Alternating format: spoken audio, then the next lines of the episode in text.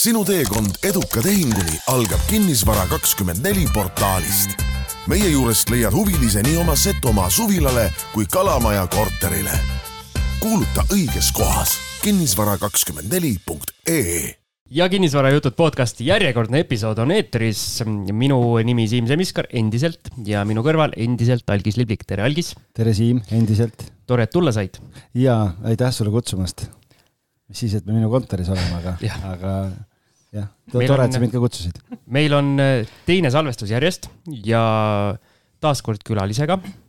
no meil on ju ainult äh, head külalised käivad kogu aeg ja nimekiri on pikk, nii et äh, ei jõua kõiki saateid ära tehagi, et vaatad, et see nimekiri on lõputu kas me oleme siin nii-öelda mikrofonis ka seda välja öelnud, ma, ma tean, me omavahel kogu aeg räägime, et umbes, kui me olime teinud kuskil kakskümmend või kolmkümmend osa, siis me mõtlesime, et viiekümnenda osa juures kindlasti saavad kõik külalised otsa, sest rohkem inimesi kinnisvara, kinnisvaraga Eestis ei tegele ja, ja tegelikult, mida aeg edasi läheb, seda toredam on see, et äh, kuulajad on aina rohkem meile soovitanud häid inimesi, keda kutsuda ja tervitame Liisi siinkohal, kes on meie tänase külalise meile saatnud ja Liisi kaudu on meil ka varem külalisi käinud, nii et. Äh, ja ma saan aru, ta nõutas oma selle nii-öelda nänni nännikotikese ka välja ikkagi. ja sa võid äh, rääkida, Siim, siis, et äh, mis me, mis me pakume, mis nänni me või hoiame saladuses. hoiame saladuses kõik, jah, sest ma ei tea täpselt, mis me kõik, kellel on äh, kinnisvara, kinnisvara moguleid, tuttavaid ja soovitavad meile niimoodi, et olete enne oma sõbraga ära rääkinud, et ta on nõus tulema ka meile külla,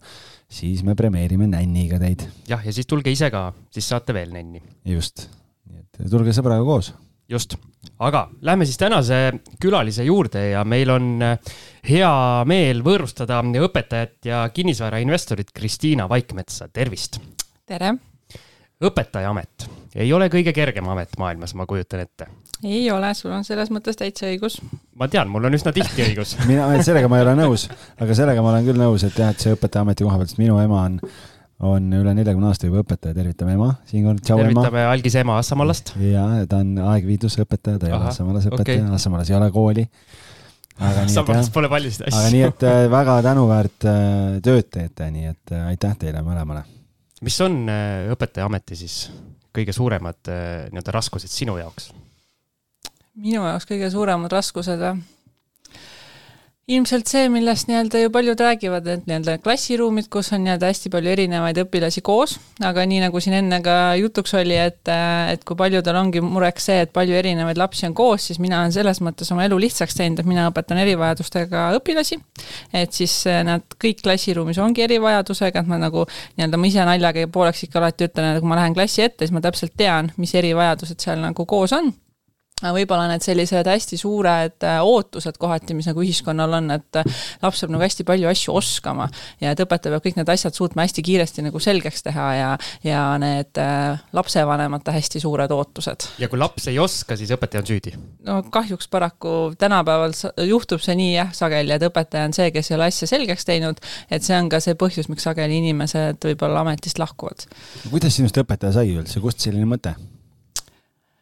Äh, kui mina olin väike, siis mina mängisin lapsest peale kõige rohkem koolimänge. ma teadsin suhteliselt mingi kuue või seitsme aastasest peale, ma tahan saada õpetajaks siis mu ema ütles mulle, et äh, mine ükskõik kelleks, aga ära mine õpetajaks. sest äh, ta maalis mulle väga ilusa pildi, mis mul aeg-ajalt on ka elus ette tulnud, et äh, sa lähed õhtul koju, sul on mitu kotitäit vihikuid, siis sul on veel poeostukott ja siis sa niimoodi vandsid sinna kolmandale või neljandale korrusele ja siis sa parandad neid vihikuid terve õhtu ja ja et noh, see on kõige jubedam töö, mis sa teha saad, et mine ükskõik kelleks, mitte õpetajaks ja siis, kui ma ülikooli läksin, siis ma tegelikkuses, ma ei läinud õpetajaks õppima, ma läksin ajalugu õppima, et ajaloo, ajalugu sa lihtsalt lähed õpid oma kolm aastat ära ja siis vaatad, mis siis edasi saab. ja siis ma läksin oma ajaloo bakalaureuse kolmandal aastal läksin koolitööle, vene kooli Eesti tüdruk, kaks aastat äh, vanem kui kaheteistkümnenda klassi õpilased. Läksin neile siis ühiskonnaõpetust eesti keeles õpetama. tõsiseltvõetav ja selline kõva autoriteet jah, väga sihuke, et, et äh, päris sihuke keeruline oli just selline keele, keelebarjäär oli hästi suur ja ma käisin äh, Koplis tööl. seda, see kool on praeguseks hetkeks ära lammutatud niimoodi, et kui ma seal tööl käisin, siis ma sellel hetkel mäletan, kui ma sõitsin sinna number kolm bussiga, sai, ja siis ma sõitsin, mõtlesin, et hommikul väga vara ja õhtul väga hilja. Ma julgeksin käia, aga kuna mul hakkasid tunnid kell kümme ja kell kaks sain koju, siis oli täitsa nagu okei. Okay.. aga seal esimesest hetkest saati, kui ma seal klassi ees seisin, siis ma teadsin, et see on see asi, mida ma teha tahan, mulle hullumoodi meeldis.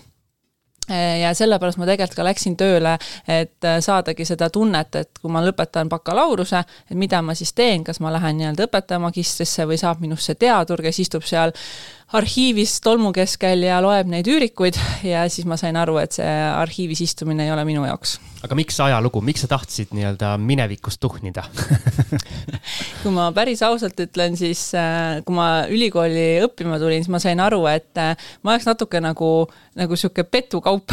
Mul oli kursusekaaslased, kes olid mingid ülientusiastlikud ajaloohuvilised, minu ülikooliaegne üks väga hea sõber on, oli tõsise Egiptuse armastusega, no ta võis rääkida ööd ja päevad sellest ja siis seal oli inimesi, kellel reaalselt oli oma muuseum mingi oma kodukohas ja siis olin mina, kes oli läinud äh, ajalugu õppima sellepärast, et see oli ainukene eriala, kuhu ma ei saanud koheselt tasuta kohale sisse. ja siis tekkis see trots, et mis mõttes, et kõikidesse teistesse ülikoolidesse erialadesse ma sain kohe sisse, ajaloos ma jäin esimesena joone alla alguses, lõpuks ma sain oma tasuta koha, sest keegi loobus ja siis oli niisugune trots, et aga nüüd ma tahan seda saada. oota, kus see loogika on, mina mäletan seda, et minusugused äh, vaatasid seda, kes neid äh, jumala eest kuskile võtaks, mitte niipidi, et see, kes ei võta, et sinna ma pressin sisse. vähemalt sinna saan, et ma lähen sinna, et sa oled nagu vastupidi, jah jah, et see jah, niisugune väga suur trots oli, et niisugune, et no mis mõttes, see on nagu niisugune lapsest peale olnud, et kui mingi asi kohe ei tule, et siis tekib niisugune trots, et nagu aga nüüd ma kiusu pärast tahan selle ära teha, et tõestada, et ikka saaks.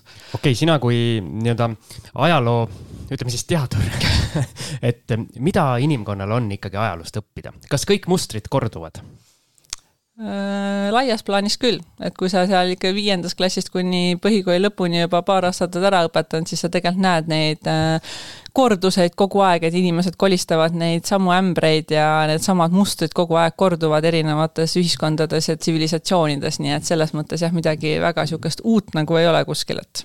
kinnisvaras vist on samamoodi, et kui Siim Vaidast kolistab ühe ämbri ära, siis äh, aasta pärast. Läheb uuesti. aasta pärast on teine jalg lihtsalt samas ämbris. umbes nii ta on, aga, aga räägimegi sellest investeerimise poolest, et äh, kuidas, äh, kuidas sa sinna maailma jõudsid? Ma arvan, et see on nii nagu paljudel Eesti naistel, kes tegelevad investeerimisega, et kuskilt mingil põhjusel on läbi käinud selline nimi nagu Kristi Saare. ära ütle Naisinvestorite klubi, kuhu meid algisega endiselt vastu ei võeta veel. ei võeta jah, aga see on selles mõttes jah, väga niisugune märgiline, et ma kunagi lihtsalt nii-öelda põhimõtteliselt nagu liitusin Facebookis selle grupiga ja siis seal taustal niimoodi jooksis aga siis mingi hetk ka tekkis see mõte, et tema on, oli sellel hetkel õpetaja ja et tema saab investeerida, raha kõrvale panna, aga et nagu, aga nagu minul see nagu ei õnnestunud, vähemalt mitte nii-öelda alguses. et reaalselt oligi nagu, algselt oli ikka see, et enne palgapäeva niisugune nädal aega ennem oli pangaarve tühi. Ja siis ma elasin üürikorteris, sest ma tegelikult olen pärit Võrust, ma ei ole Tallinnast ja siis ma elasin üürikorteris ja siis mingi hetk hakkas tekkima ikkagi soov, et tahaks nagu oma kodu, et noh, kaua ma seda üürikorterit nagu maksan. ja siis äh, hakkasin nagu asja, asja otsast uurima, et, äh, et noh, KredEx annab seal natuke soodukat ja siis on vaja kümme protsenti kokku saada, kahetoaline korter, tollal maksis niisugune kaheksakümmend tuhat, kaheksa tuhat tundus meeletult suur summa, kaheksa tuhat, noh ja siis veel tahab notar mingeid imelikke summasid, millest nagu aru ei saanud ja siis on mingi maakler võib-olla vahel, kes midagi tahab kuskilt saada ja noh. mille eest ei saa aru. ja siis oli tunne, et noh, paneks need kaks tuhat veel otsa, et noh, kümme tuhat oleks vaja kokku saada, et osta siis oma kodu ja see tundus nagu meeletu summa. ja noh, lisaks ka see nii-öelda see taust, et, et ma ei pärine kodust, kus oleks nagu väga nagu rahast räägitud või oleks mingeid säästmisharjumusi et siis äh, ja noh, ema ka rääkis ja vanaema ka rääkis, et sina õpetajana kümme tuhat nagu mis valemiga, see ei ole üldse nagu võimalik, et noh et, et see, sellisel ametikohal sa ei saa elu sees seda raha kokku nagu. aga siis tekkis jälle see trots, et nagu mis mõttes nagu, et noh, et noh, Kristi Saare ju investeerib ja ta on ka õpetaja ja ja siis ma hakkasin äh, tegema nii-öelda ületunde, et õpetajatena üldiselt on see võimalus, et kui sa oled huvitatud võtma endale rohkem tunde, kui normkoormus on, siis üldiselt juba tollal äh, mingi sihuke kaheksa aastat tagasi oli juba õpetajate puudus, et sul oli võimalik võtta neid ületunde. Ja siis ühes väikses erakoolis kus olid erivajadusega lapsed, otsiti ka õpetajat, et, et ja siis küsitigi niisugune suunatud pakkumine otse, et kuule, et äkki tuled. Ja sealt sai ka siis niimoodi lisaraha ja siis ma hakkasin selle kõrvale panema.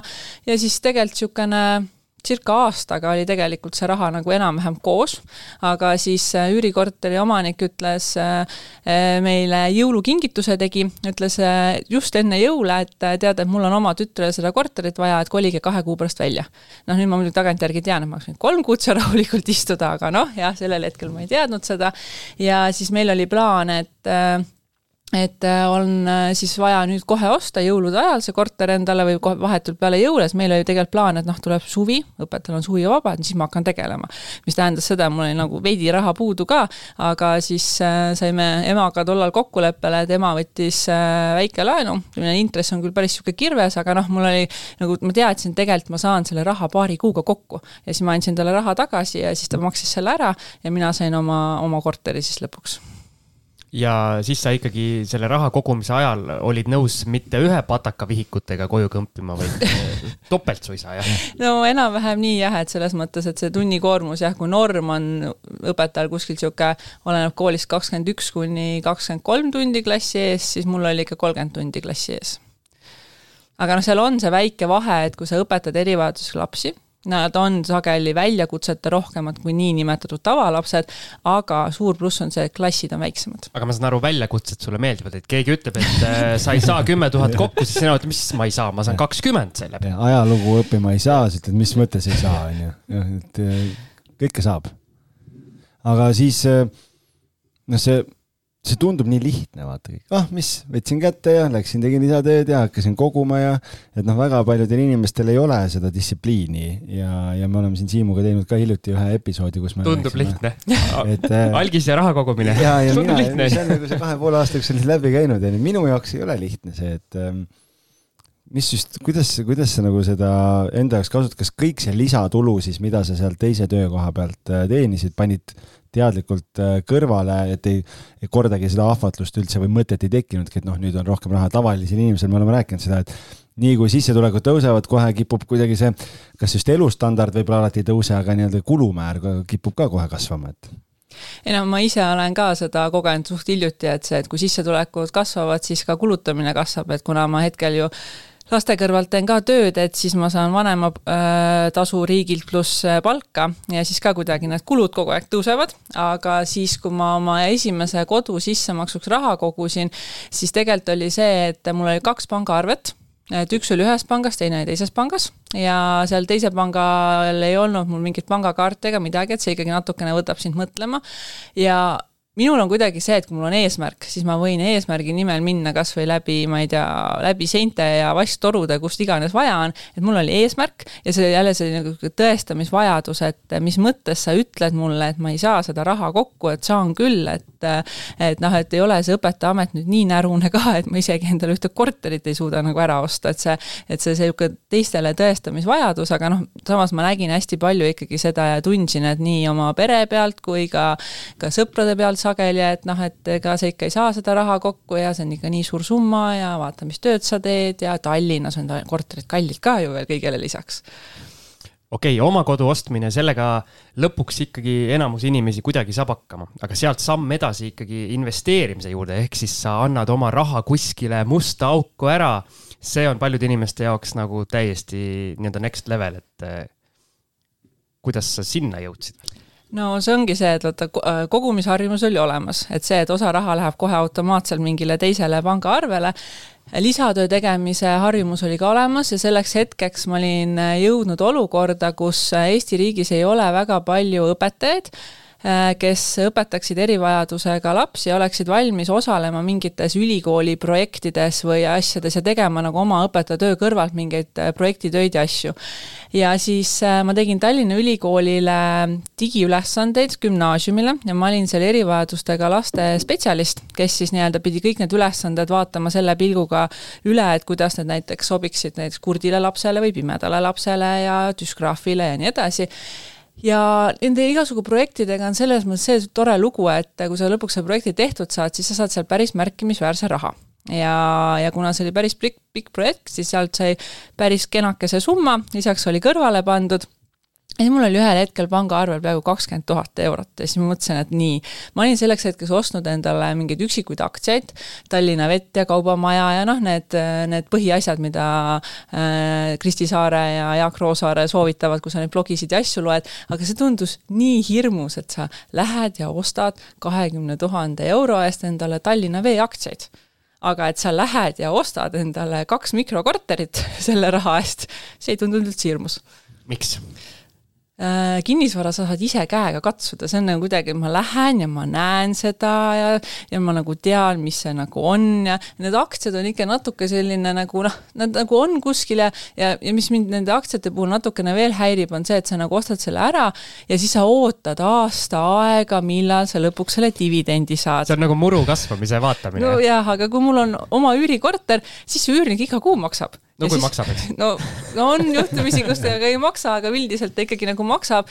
et selles mõttes, et see on nagu kuidagi, et sul nagu iga kuu tuleb sellist nagu raha sisse et see nagu kuidagi mulle meeldib, et see nagu saad kohe seda, seda power'it, et oh, nüüd läks midagi hästi. okei okay,, sul oli see kakskümmend tuhat ja ma saan aru, et sa jõudsid oma mõttetegevuse tulemusena sinna, et tahaks eh, just seda kinnisvara vagu kündma hakata, et mis sa siis tegema hakkasid? No see kuidagi see mõte sündis suht kiiresti, et, et oma kodu oli olemas, see oli muidugi ka selline, selline paras äh, seiklus. no räägime. kuulame, kuulame, kuulame. et äh, noh, meil oli mingisugune hinna, hinnavahemik on ju, et kust vahele me pidime mahtuma ja siis raha oli enam-vähem koos, hakkasime siis otsima. esiteks oli see, et olid ju jõulud, ükski maakler ega keegi ju jõulude ajal väga tööd ei tahtnud teha, sa ei saanud kuskile minna vaatama. maaklerid ei, maaklerid ei tee jõulude ajal tööd või? muidugi teevad, me käime kingikottidega. Teie oletegi need või? habemega? ah, okay. lihtsalt võib-olla korteri näitamiseks pole aega, sest no, altuura vajab tegemist otsite uusi kliente ja siis äh, käisime vaatamas ja siis meil päris kiiresti tekkis. vabandust algis valge habeme. tule onu põlve peale, tule süüa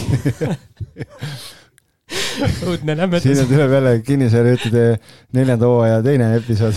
väga hea okei okay,, vabandust. nii ebaviisakas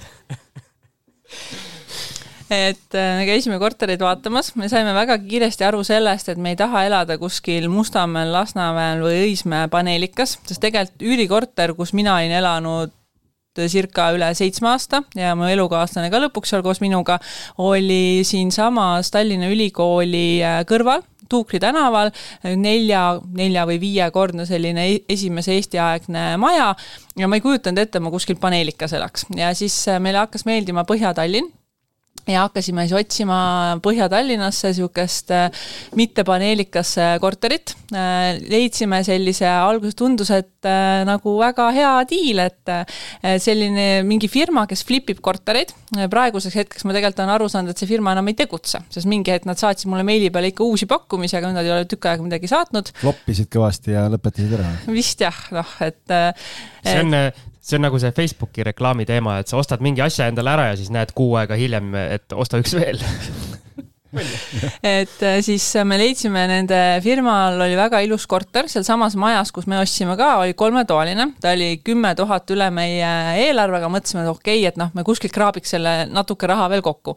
aga me olime teised, kes vaatama läksid, esimesed olid broneeringu peale pandud ja nad ostsid selle ära. ja kes nüüd ütles, siis äh, firma omanik ütles, et aga meil on siinsamas majas üle koridori üks korter veel, mida me teeme, et te võite seda tulla mingi kahe nädala pärast vaatama. Läksime vaatama, mööbel oli sees ja kõik oli ilus ja ja säras ja plaadid olid kenad ja, ja noh, tundus, et noh, midagi paremat ka nagu ei olnud ja asukoht ka meeldis, et äh, lööme käed ja ostame ära ja ostsime ära ja käisime notaris ja olin siis uhke korteriomanik ja ja siis ühel hetkel käisime duši all ja, ja vaata, hakkasime vaatama mingi hetk, et põrand kuidagi nagu väike niisugune vulkaani efekt on hakanud tekkima sinna, et nagu äh, dušinurgas põrand muudkui läheb, muudkui tõuseb kõrgemale ja kõrgemale, alguses meil tundus, et äkki me ise oleme natuke vildakad ja ei näe normaalselt ja ja siis oli ikka korralik niisugune mägi juba. Ja siis me võtsime selle müüjaga ühendust, et noh, seal on mingi aeg, kui nii-öelda peidetud vead ja asjad ja ja siis tuli välja, et äh, töömees oli nii hoogsalt tööd teinud, et ei olnud pannud vannituppa plaatide alla hüdroisolatsiooni see on kõige klassikalisem probleem üldse. me oleme ise ka kimpus selle probleemiga. praegu ühe korteriga Pärnus siin tuli, tuli ühe veeuputuse käigus tuli välja, et meil on ka vannitoas hüdro panemata ja kui me ostsime korteri, mis oli nagu vannituba oli tehtud ja aga, aga seal unustati ka vist, et satuti nii hoogu jah, aga kuna seal korteris on niimoodi, et seal ei ole mingit dušinurka ega asja, vaid sul ongi lihtsalt plaadid ja siis on see kardin, on ju, et et ja siis ta tuli ja tegi kõik korda ja siis noh, kuna seal on vannituba ja vets on koos, siis meid muidugi äh, paigutati siis mingisse järgmisesse korterisse nädalaks ajaks, mis siis oli samamoodi ära vuntsitud ja ja siis me siis elasime seal natukene aega ja siis nad tegid selle siis kõik korda ja ja siis tundus nagu, et noh, elu on ilus, läheb edasi, siis on see nii-öelda see klassikaline jutt, mida mina enam kunagi ei usu, et kui korteriühistu kohta küsiti, öeldi, et korteriühistu on toimiv ja aktiivne ja tegutseb. noh, selles mõttes tegutses, fassaad oli vahetatud, olnud majal, et äh, maja nägi kena välja. aga siis ühel hetkel tuli välja, et äh, korteriühistu esimees oli selline vene natuke mafioosnik äkki, et ükskord, kui me koju tulime, siis kuna korteriühistu esimees elas täpselt meie kõrval, siis ühel hetkel oli mul ukse taga kolm niisugust vene su suurt kanti. jõulised genaadid on. Väga niisugused hirmuäratavad. Ja siis ühed küsisid, et kus, kus te lähete, ma ütlesin, et siia tahaks, siis ei ole meil teiega midagi, minge rahulikult, on ju, asju, nagu okei. Okay., aga noh, siis sellele jah, sellele ühistu esimehel löödi seal vahepeal aken sisse, igasugu asju juhtus, aga noh, nii nagu tal ei olnud oma rahaasjad korras, ei olnud tal ka ühisturaha asjad korras, nii et. et ühistu ei olnud tegus, vaid esimees oli tegus ja tegutses, ma saan aru, ühisturahaga ka ja et, et noh, siis ma sain ka aru, et kui oluline tegelikult on ikkagi kuidagi selle ühistu kohta saada rohkem infot, kui leppida lihtsalt sellega, et sulle müüja ütleb, et ühistu on aktiivne ja tegutseb ja siis, äh, ja siis mingi hetk tuli ka välja, et kui majal oli ära vahetatud nii-öelda fassaad ja katusetööd ja kõik tehtud, selleks oli ka laen võetud ja asjad, et siis äh, kui hiljem kunagi mingi hetk äh, me tellisime mingid mehed, kes siis nii-öelda tegid seda katust veel korda, siis nad küsisid ka meie käest, et kas te nagu eelmiste ehitajatega läksite tülli või, et nad on nagu päevapealt siit ära lahkunud, sest kui oli mingi, mis see neli aastat tagasi, oli augustis suur torm, siis mina ärkasin hommikul selle peale üles, et köögis tilgub vett ja vett tilgub sellepärast, et äh, korstnajalal, meil on ahjuküttega korter, siis korstnajalal ei olnud äh, katusevahetajad pannud korstnaplekki, siis ma sain teada, et on niisugune asi olemas nagu korstnaplekk.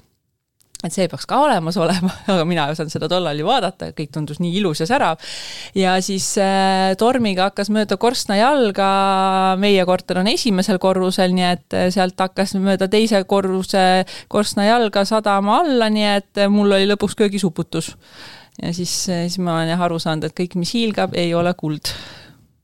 kuidas see kõik lõpuks äh, siis lahenes, kas läksid, võtsid ühistu ise üle?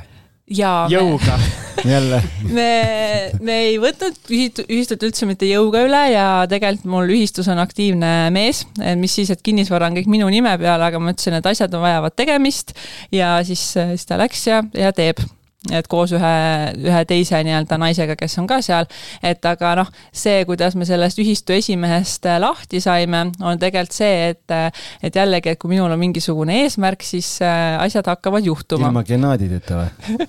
Ja tegelikult oli niimoodi, et kui ma ootasin oma esimest last, ma olin teist kuud rase ja siis ma otsustasin, et minu lapsel sellel hetkel, kui tema sünnib, on oma tuba. Me elasime sellel hetkel kahetoalises korteris, kahekesi, ja meil oli koer, kes on nelikümmend kilo kuldne retriiver. ja ilmselgelt sinna korterisse sellel hetkel see laps oma tuba nagu ei saa mingi valemiga. aga mina teadsin, et äh, minu lapsel saab sündides olema oma tuba, aega oli plaani ellu viia seitse kuud. sõid naabri välja, Siim tõesti, me saime. ma olen kuulnud, et rasedad naised on kõige ohtlikumad. ma just tahtsin öelda, et noh, teist kuud rase, sihuke viitsütikuga pomm vabandust.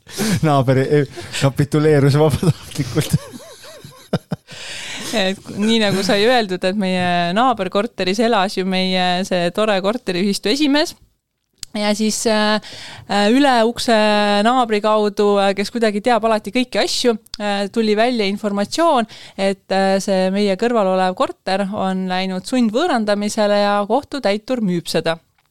meil oli nagu väga hea, kõrvalkorter ja siis me olime ennem nagu va hakkasingi vaatama neid nii-öelda kolmetoalisi Põhja-Tallinnas, me ei tahtnud kol-, Põhja-Tallinnast ära kolida.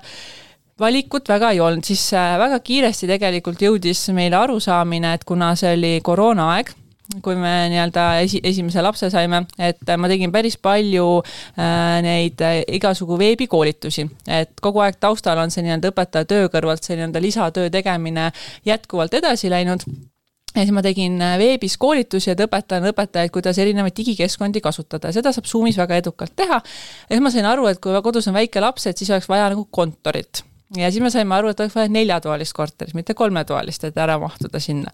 ja siis äh, panime kõik need parameetrid äh, Põhja-Tallinnasse sisse, raha, et uusarendust osta, meil ei olnud Põhja-Tallinnas oli kaks äh, neljatoalist korterit sellel hetkel müüa.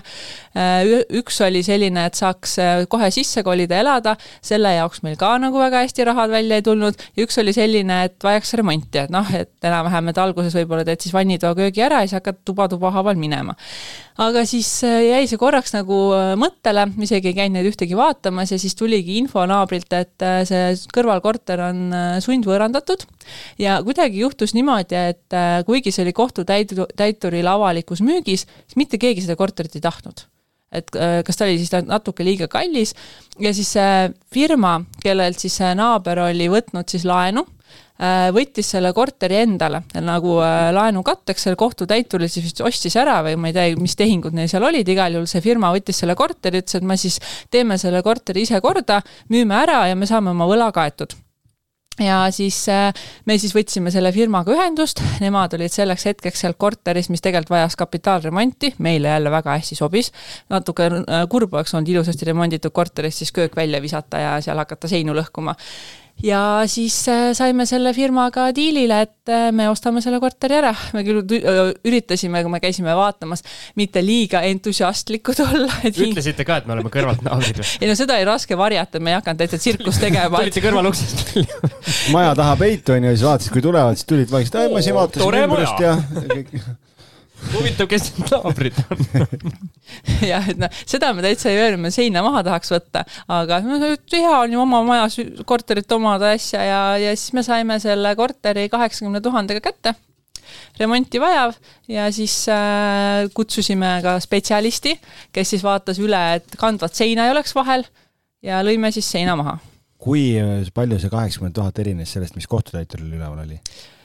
Äh, kohtutäituril oli algselt seal pea sada tuhat, ilmselt sellepärast ta seisiski, sest tegelikult see korter ikkagi ta noh, ütleme nii, et ta oleks olnud elatav ta ei olnud täitsa niimoodi, et seal sees ei saaks elada, aga noh, ta oli täpselt selline, et see remont oli mingisugune kakskümmend, kolmkümmend aastat vana, et ega keegi seal ilmselt väga elada ega üürida ei oleks seda saanud ilma remonti tegemata. seda hirmu ei olnud, et ostate ära ja siis ühel hetkel lendab telliskivi aknast sisse, et äh, vana for good, good old times sake natuke oli ja, ja selles mõttes oli nagu, ma ise tundsin suurt kergendust, et me ei pidanud ostma seda kohtutäiturilt, sest siis mul oli nagu reaalne hirm, et kuidas me selle naabri sealt reaalselt välja saame. sest ega ta läks ka sellise jutuga nagu kohtutäitur ta sealt välja tõstis ja asja, et noh, küll ma tulen tagasi ja ma ostan selle korteri tagasi ja asja, et noh, mõtlesimegi, et aga kui ta minema ei lähe, mis me teeme, siis meil on korter, on ju, ja siis mingisugune tüüp istub seal sees lihtsalt nagu noh.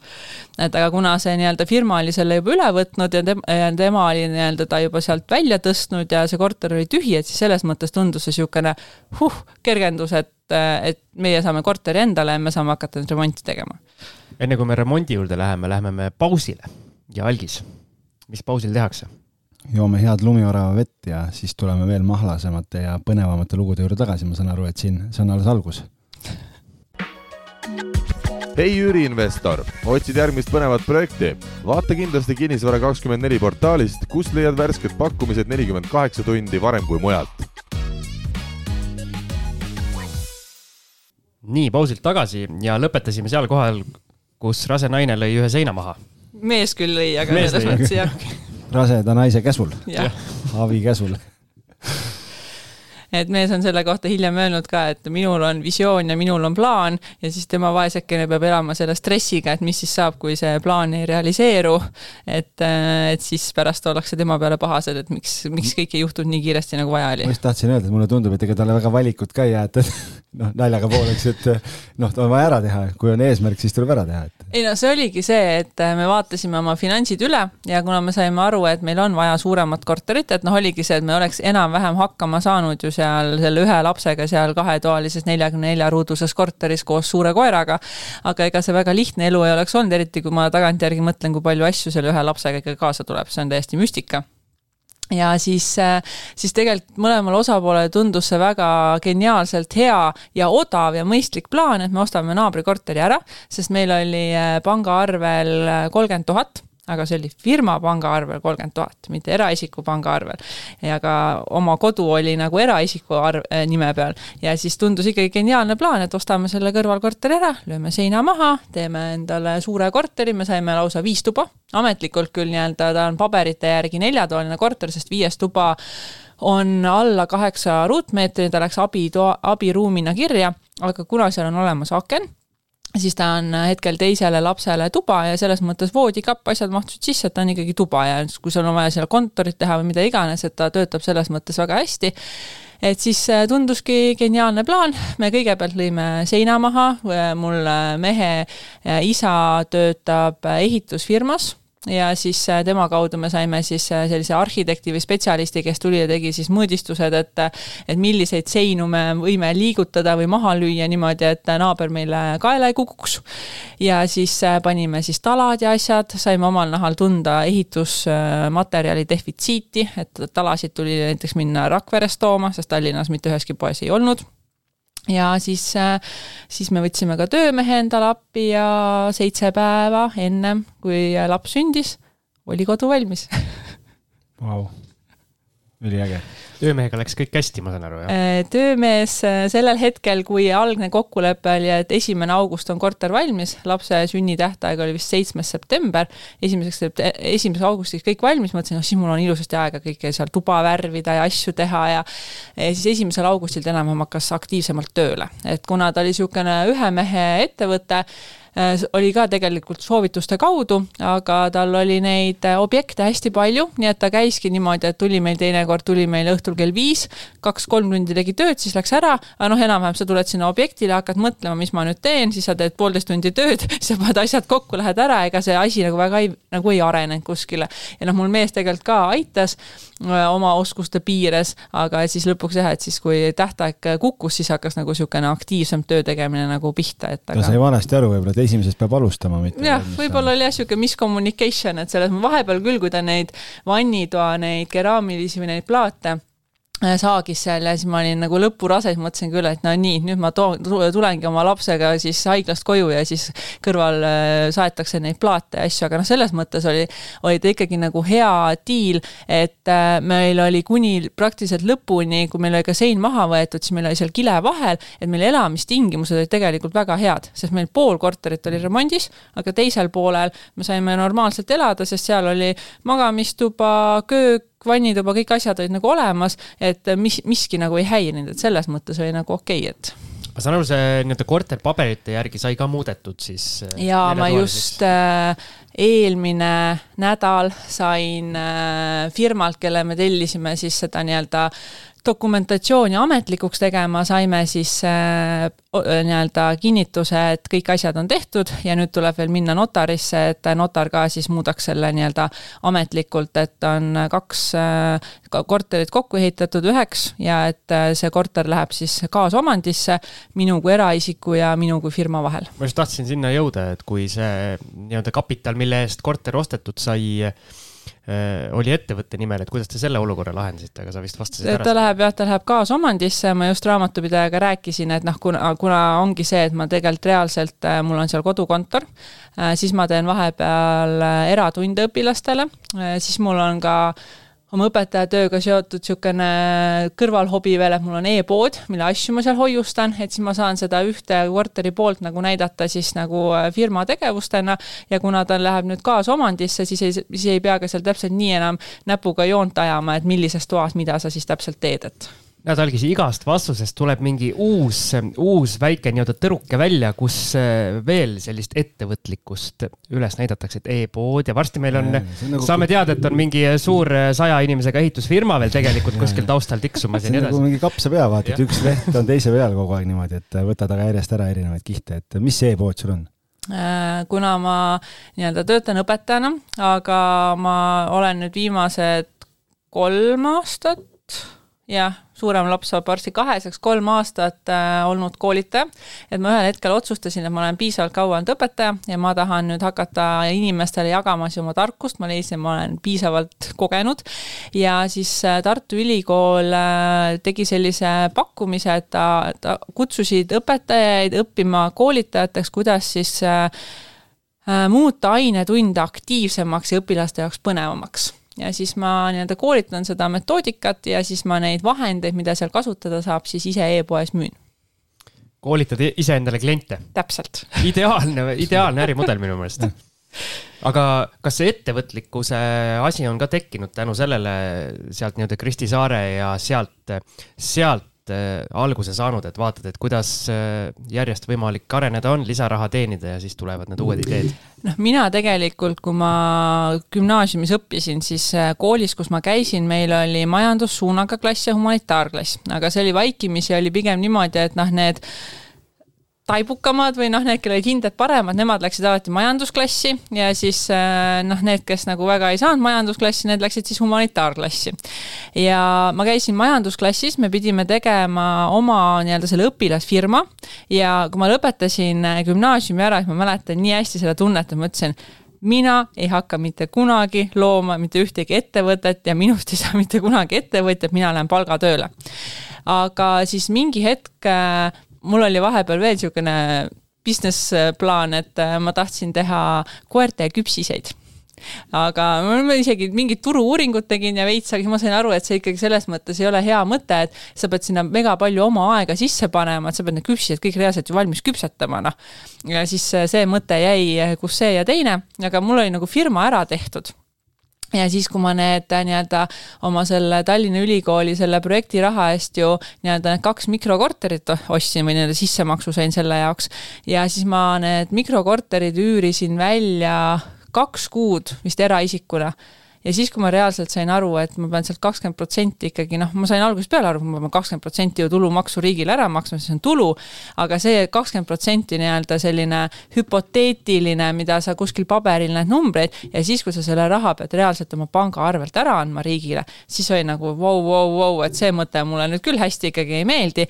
Ja siis ja siis ma kolisin oma need korterid väga kiiresti firma alla ja tegin üürnike uued lepingud oota, kaks mikrokorterit, need on nüüd nii-öelda uued asjad, millest me veel seni rääkinud ei ole, jah? jah, nendest, nendest me libisesime niimoodi üle. iga korraga tuleb mingi jah ja, ja. No aga lähme siis, lähme sinna mikrokorteritesse. üürivannid või, või natukene suuremad uh,? üks on üürivann, kaksteist ruutu ja teine on kuusteist ruutu, mõlem. kus see piir läheb nagu, mis? üürivann on väidetavalt see kaheteistruudune, vähemalt Aha. nii oli seal Kristi Saare kümnendas episoodis jutuks. kuueteistkümnene on luks juba. see on sviit juba. see on, see on, reaalselt, kui sa oled ühes ja teises olnud, siis sa näed, et seal on ikka märkimisväärne vahe tuleb sellest neljast ruutmeetrist. üürisviit, mitte üürivann, väga hea ja hinnas sa saad üürniku käest ikkagi märkimisväärselt rohkem raha küsida, kui sul on. palju hinnavahe on? neli ruutu on äh, suuruse vahet? Äh, üüris on hetkel äh, kaheteistruudune on kahesaja euroga väljas ja kuueteistruudune on kahesaja seitsmekümne viie euroga. Nad on samas majas, üks on kaheteistruudune esimesel korrusel ja kuueteistruudune on viiendal korrusel. ja kus see maja asub? See on äh, legendaarne Sõle kaheksateist. ehk siis umbes seal piirkonnas, kus sa liiga vara hommikul ja liiga hilja õhtul ei taha käia või? ei, nüüd selles mõttes, et nüüd on juba, juba täitsa okei okay,, sest tegelikult on see, et minu enda kodu on sellest Sõle kaheksateistkümnest paarkümmend äh, numbrit edasi veel nagu rohkem Kopli poole. aga pigem see maja ise on selline hmm, endiselt huvitav et, äh, et sa kunagi ei tea, mis sul seal äh, võib juhtuda, mul on üürnik ka saatnud, äh, viimane üürnik, kes seal praegu elab, seal kuueteist ruuduses, saatis ka mulle mingi hetk kirja, et äh, alasti mees jooksis koridoris nagu, mis ma siis teen selle infoga kas meil ei ole mitte see, ma ei tea, kas see sama alasti sama. mees, aga mingi alasti mees kuskil ühikas on meil saatest läbi käinud, ei ole või? ei mäleta, aga. minu jaoks on kuidagi ma ei, ma ei tea, kas see on sama mees. kuule, Sõle kaheksateist, see on Pelgulinna sünnitusmaja vastas kohe yeah see oli mingi isa võib-olla, kes seal äh, eufoorias oli uudisi saanud, et laps on sündinud okei okay.. Lähme edasi, aga kuidas sa selle julguse sai? kas sa ostsid need kaks korterit korraga? jah yeah.. okei okay., kaks korterit, esimesed investeerimisobjektid mm. -hmm Sõle tänaval kuulsas ühikamajas. no sellel hetkel ma ei mõelnud selle peale, et see siukese, siukene maja on, et kui ma olin need korterid ära ostnud, siis mul äh, mehe tädi ka mingi hetk, nad elavad ise seal Härjapea tänavas, mis selle täpselt ristub selle sõlega, et niimoodi, et see maja on seal nurga peal, siis on, seal on mingid narkarid ja asjad, aga mina ikka vapralt, vapralt tegin nägu, ei, mis asja, maja, maja areneb ja asja, see asi ei ole üldse nii hull, kuigi vahepeal ikka on. ühistu on, ühistu on toimiv ja toimekas et ja, ja noh, ega siis meie ju uute omanikena anname ise panuse, et see maja saaks ju paremaks. no nüüd ma just käisin seal äh, esmaspäeval hindajaga, et äh, oma nii-öelda need korterite laenud refinantseerida, siis äh, neljanda korruse koridori värviti tõsi? jaa. esimest korda selle maja ajaloos või no, on varem ka värvitud? esimese, esimene korrus, kus on korter, see on nagu väga okei okay see on väga okei korrus, selles mõttes seal on ilusad valged seinad ja, ja seal ei lõhna ebameeldivalt, aga see viies korrus, ma ise vahepeal tagantjärgi mõtlen, et kas ma olin nagu mingi laksu all, kui ma seda korterit käisin vaatamas ja mõtlesin, et jah, ma ostan selle. sest tegelikult oli veel see, et see esimese korruse korter oli reaalselt äh, kapitaalremont, kõik oli, remont oli ilusasti tehtud, et, et ma nagu algusest peale nägingi ilusat korterit. Aga see viienda korruse korter oli selles mõttes veel huvitav diil, et et see vahendaja oli sama inimene, kes seda nii-öelda müüs aga ma alguses käisin seal äh, selles olukorras, kus see korter oli nii-öelda räämas ja mingisugune pensionär seal elas, kes oli ära surnud. Ja siis, et noh, aga siis müüdigi mulle see idee maha, et aga sa saad ise valida siin, et noh, mis värvi sa seinad värvid ja ja kaasa rääkida, kus sa tapeeti tahad seina ja kõikide nende asjadele, millist dušinurka sa tahad, see tundus nagu nii ideaalne. Oh, sulle tehti saan... võtmed kätte nagu lahendus ära aga siis ma sain nagu aru, et, äh, et tegelikult see ikka nii ideaalne ei ole, sest kui mina ütlesin, et noh, et äh, mina tahan äh, uksest tulles vasakusse seina tapeeti, siis töömees pani paremasse aga seina. ta vaatas sulle vastu, kui sa rääkisid ja siis see oli tema vasakul käel. no ilmselgelt jah, et noh, et nagu jah, et ja siis, kui meil oli kokkulepe, et korter pidi valmis olema augusti alguseks, mäletan, ma tulin reisilt tagasi, me pidime pärast minema notarisse, ma tulin reisilt tagasi, ta polnud töid alustanudki veel. kas sul on kõikide kord korterite valmimistähtaeg on esimene august või? vist jah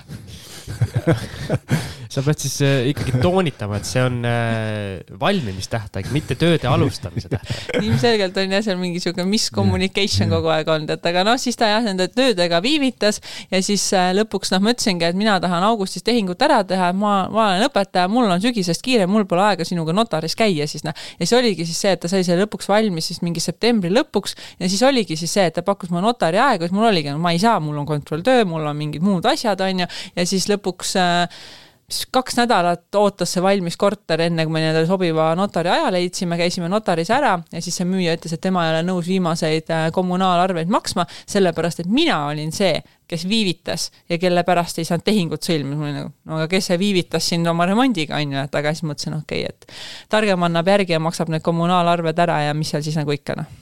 aga kui suur see hinnavahe nendel kahel korteril oli siis? Äh, kaheteistruudune sai ostetud äh, kahekümne üheksa tuhande ja kaheksasaja euroga ja kuueteistruudune oli kolmkümmend kaheksa tuhat viissada eurot. tänasel päeval tagantjärgi mõeldes on nagu see, et saaks tänasel päeval ka nii odavalt korterid, on ju, et kolmekümne tuhandega kaheteistruudust.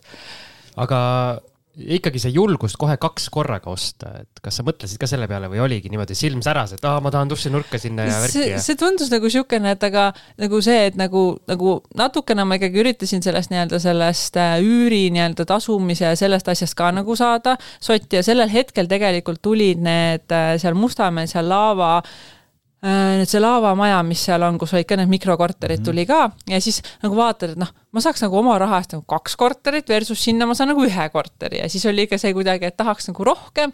Ja siis nagu tunduski, et võtaks ikka need kaks tükki võib-olla natuke kehvemas majas, et ma ikka ootan siiamaani, et see maja ikka natukene paraneks. meie saates nimetatakse seda plokktehinguks, kaks korterit korraga see on ikkagi next level asi juba nagu iga, igaüks ei osta siin kahe kaupa, tead, kilohinnaga. ma pole kunagi kahe kaupa ostnud. no vot. mulle tegelikult pakuti veel ka seda, et sellesama kaheteistruuduse kõrval oli tollel hetkel müüa teine kaheteistruudune, et põhimõtteliselt saaks ju seina maha lüüa ja teha suurema korteri. kahekümne neljase. jah, see oleks juba nagu luksuskaup on ju. see on juba priiskamine täitsa jah. aga siis see kuidagi see kuueteistruudune ikka just see, just see mõte suudeti mulle väga hästi maha müüa, et sa saad ju kõik asjad ise valida aga siis ma sain ikkagi lõpuks aru, et mulle see, see tehing ja see korter meeldib rohkem, et kui ma lähen korterisse sisse ja minu eest on kõik need valikud ära tehtud, et ma siiamaani vaatan hästi neid kortereid, kus on äh, kõik sisustus, kõik asjad on tehtud anna mulle notaris võtmed ja mina järgmine päev panen üürniku sisse. et sa ei pea nii-öelda ise pead vaevama, jah? jah, et ma olen aru saanud, et mul seda siseviimistlusvaistu nagu nii palju nagu ei ole, et. mul ka ei ole. aga ikka teed? ikka teen, jah kui suur portfell sul nüüd on siis praegu?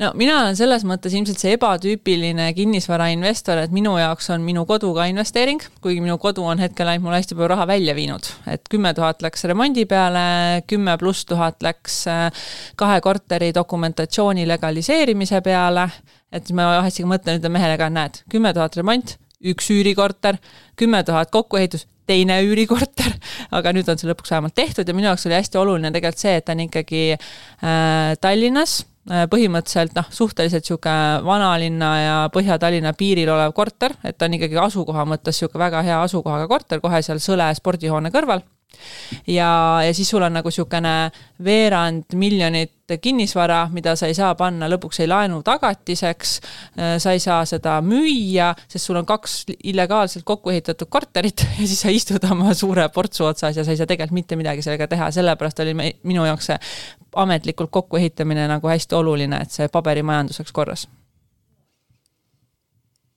Siim vaatab mulle otsa, et teeme pausi. tahad pausi teha? jah no joome head vett. sest ja... mul on äh, väga terav küsimus, millele ah. ma tahaks äh, natuke hoogu võtta. väga hea, võtame head vett siis ja, ja siis vaatame, et Kristiina äkki elab selle küsimuse siis valutumalt üle või? jah kinnisvarasse investeerimine ei pea olema raketiteadus, aitame sind alates esimesest sammust kuni lõpptulemuseni välja. One Estate kinnisvara, investoritelt investoritele loodud kinnisvarabüroo. vaata lähemalt www.onestate.ee. nii, kuna ma lubasin väga teravat küsimust, siis panin endale pinget peale ja ma arvan, et ma nüüd kukkusin nende pingete all kokku.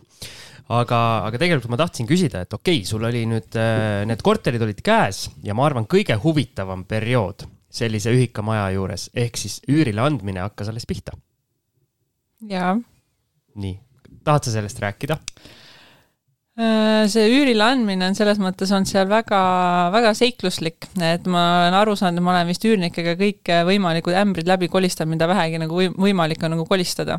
et äh, esimene kord ju nii-öelda lähed, oli väga entusiastlikult, üritad väga tõsist nägu teha, et noh, väga hästi kõigest tead ja siis, ja see kurikuulus taustakontroll on ju, ja siis ja sa pead alati küsima isikukoodi ja ta-ta-ta-ta-ta, tänaseks päevaks ma olen küll rendiinni peale juba üle läinud, et sellega on nagu lihtsam aga siis äh, üks neiu näiteks seal kaheteistruuduses kohe ütleski mulle, et aga ma võin teile ise ära rääkida kõik maksehäired, mis mul on et mul on siin Elisale võlgu ja siis mul on Teliasid maksmata ja, ja siis mul on siin mingeid asju veel, aga ma luban, et ma sulle maksan alati üüri väga äh, täpselt ära. ma olin nagu ahah, okei okay, väga tore. siis ma sain nagu aru, et kõik inimesed ei olegi ilusad ja head aga lõpuks ma tegelikult sain sinna kaheteist ruudusesse väga toreda üürniku, see oli üks äh, Mehhiko, oli vist Mehhikost või Ameerika Ühendriikidest, kuskilt sealt kandist äh, pärit äh, noormees, kes tegelikult oli eestlasega abielus, nad elasid Lõuna-Eestis ja ta oli raamatupidaja ja ta käis Tallinnas tööl ja tal oligi vaja nädala sees mingit place'i lihtsalt, kus paar ööd nagu maanduda.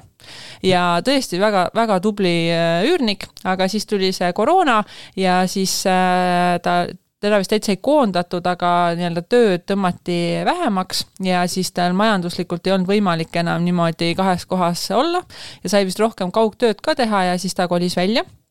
ja siis, äh, ja siis peale seda tuli sinna korterisse üks hindu et äh, selline, ma olen aru saanud, et need hindud on väga siuksed äh, mitte halvas mõttes, aga kuidagi pealetükkijad, nad ei sobi, võib-olla lihtsalt eestlase temperament on nii teistsugune nagu aga, aga noh, muidu selles mõttes õppis TTÜ-s ja tundus igati sihuke ontlik, tore noormees. aga siis ma sain lõpuks aru, et noh, see meie standardpuhtusele ja nende standardpuhtusele on nagu öö ja päev. ta elas no,. Neil käivad ju, ma saan aru, lehmad kuskil tänaval ja. jah, no lehma õnneks seal kaheteist ruudu peal ei olnud, aga seal oli küll no mega palju asju, ta elas mul seal lõpuks äh, poolteist aastat. Ja siis, kui ta ära läks siis äh, mul oli tunne, et äh, see poolteist aastat ta ei olnud vannitoas koristanud äh,. igal võimalikul tasapinnal oli asju ja siis vähe sellest, et noh, et see puhtusest oli erinev arusaam, siis ma ei tea, kas see on mingi arusaam, et noh, ma tulen nüüd sealt kolmandast riigist ja tulen siis Euroopasse ja tehke mulle nüüd kõik ette-taha ära. et aga ta reaalselt nagu ühel hetkel saatis mulle kirja, et lamp ei põle ma küsisin seepeale, et noh, kas teised lambid põlevad ja elekter on nüüd, jaa, aga see lamp ei põle, siis ma ütlesin, palun võta need lambikupli pealt klambrid lahti, eemalda kuppel, keera lamp, äh, lambipirn välja, mine üle tee Selverisse, osta endale uus pirn, keera sisse, pane lambikuppel tagasi ja proovi siis. kaks tundi hiljem sain vastuse, aitäh, tuli põleb kaks tundi läks aega? no ju siis noh, võib-olla ta kohe ei lugenud mu kirja, võib-olla läks natuke aega, kui ta see lambikupli küljest sai. aga siis, kui ta välja kolis siis oli seal igal tasapinnal igasugu asju ja ta nii-öelda veel palus, et kuna ta lennuk Indiasse läks öösel, et kas ta võib nii-öelda äh,, nii-öelda olla veel õhtu seal, et mina tulen, võtan siis nii-öelda korteri üle, tema on siis seal, seal ja siis jätab mulle võtmed postkasti ja siis läheb öösel lennuki peale. mõtlesin, okei okay,, et noh, imelikku inimest siis ma ei tea, välja tõsta, noh, fine. ja lähen siis mina kokkulepitud kellaajal sinna Äh, korteri uks on pärani, äh, istub tema seal ühe kohvri otsas ja mingi teine hindu noormees teise kohvri otsas.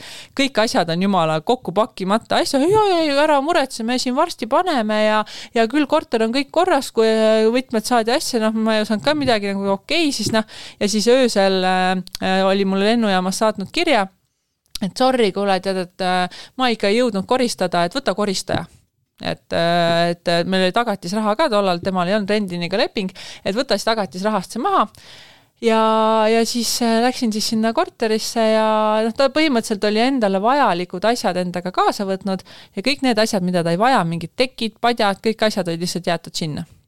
aga et kuna mul on endal äh, koristaja, Äh, kes mul enda kodu ka koristab, et siis äh, ma sain temaga kokkuleppe, et ta läks siis sinna kaheteist-ruudusesse koristama ja siis ma ütlesingi talle, et ütle mulle see hind, mis sinu arust on mõistlik, üks vahet ei ole, mis see on, sest ta läheb tagatisrahast maha, ja kui minu kodus, mis on üheksakümmend ruutu, käib ta koristamas kuskil kaks tundi, kaks pool tundi, siis seal ta koristas, mis te arvate, kui kaua? viis väga hea, viis tundi täpselt. näed, ma tean, ma tean täpselt neid koristamisaegu, ma see, see koristamise teema on hull teema, mul praegu just äh, läheb broneeringusse üks korter, mida ma müün ja, ja, ja ma leidsin sinna üürniku, mul on nüüd kaks värsket kogemust üürnikega, kuhu ma leidsin kaks välismaalast, üks oli prantslane, teine oli egiptlane.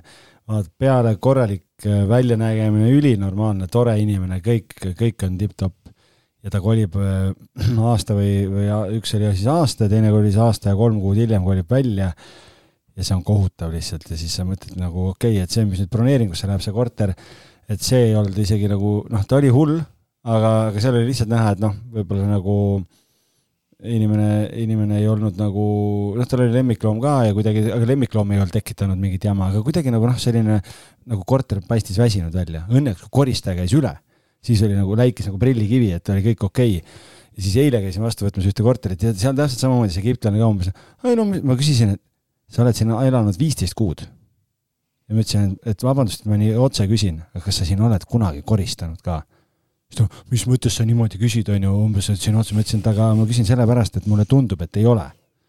ei no ma ikka siin olen ja nii ja naa, aga noh, tegelikult selle korteri seisukohal, noh, see oli ikka nagu kohutav et selles mõttes see ei ole, ma arvan, ainult hindude kultuuris, vaid mulle tundub üldse kuidagi lõunamaade kultuuriga, siin mul on olnud siin brasiillasega üks selline kogemus, siis egiptlasega, noh, et see, see ei ole nagu võib-olla isegi konkreetses, see on ikkagi inimeses kinni, mitte no aga nagu lõunamaalased ju elavad hästi kaua kodus, kui me räägime Hispaaniast, Itaaliast, et ja. küll seal emad koristavad nojah, puudub koristamisoskus on ju.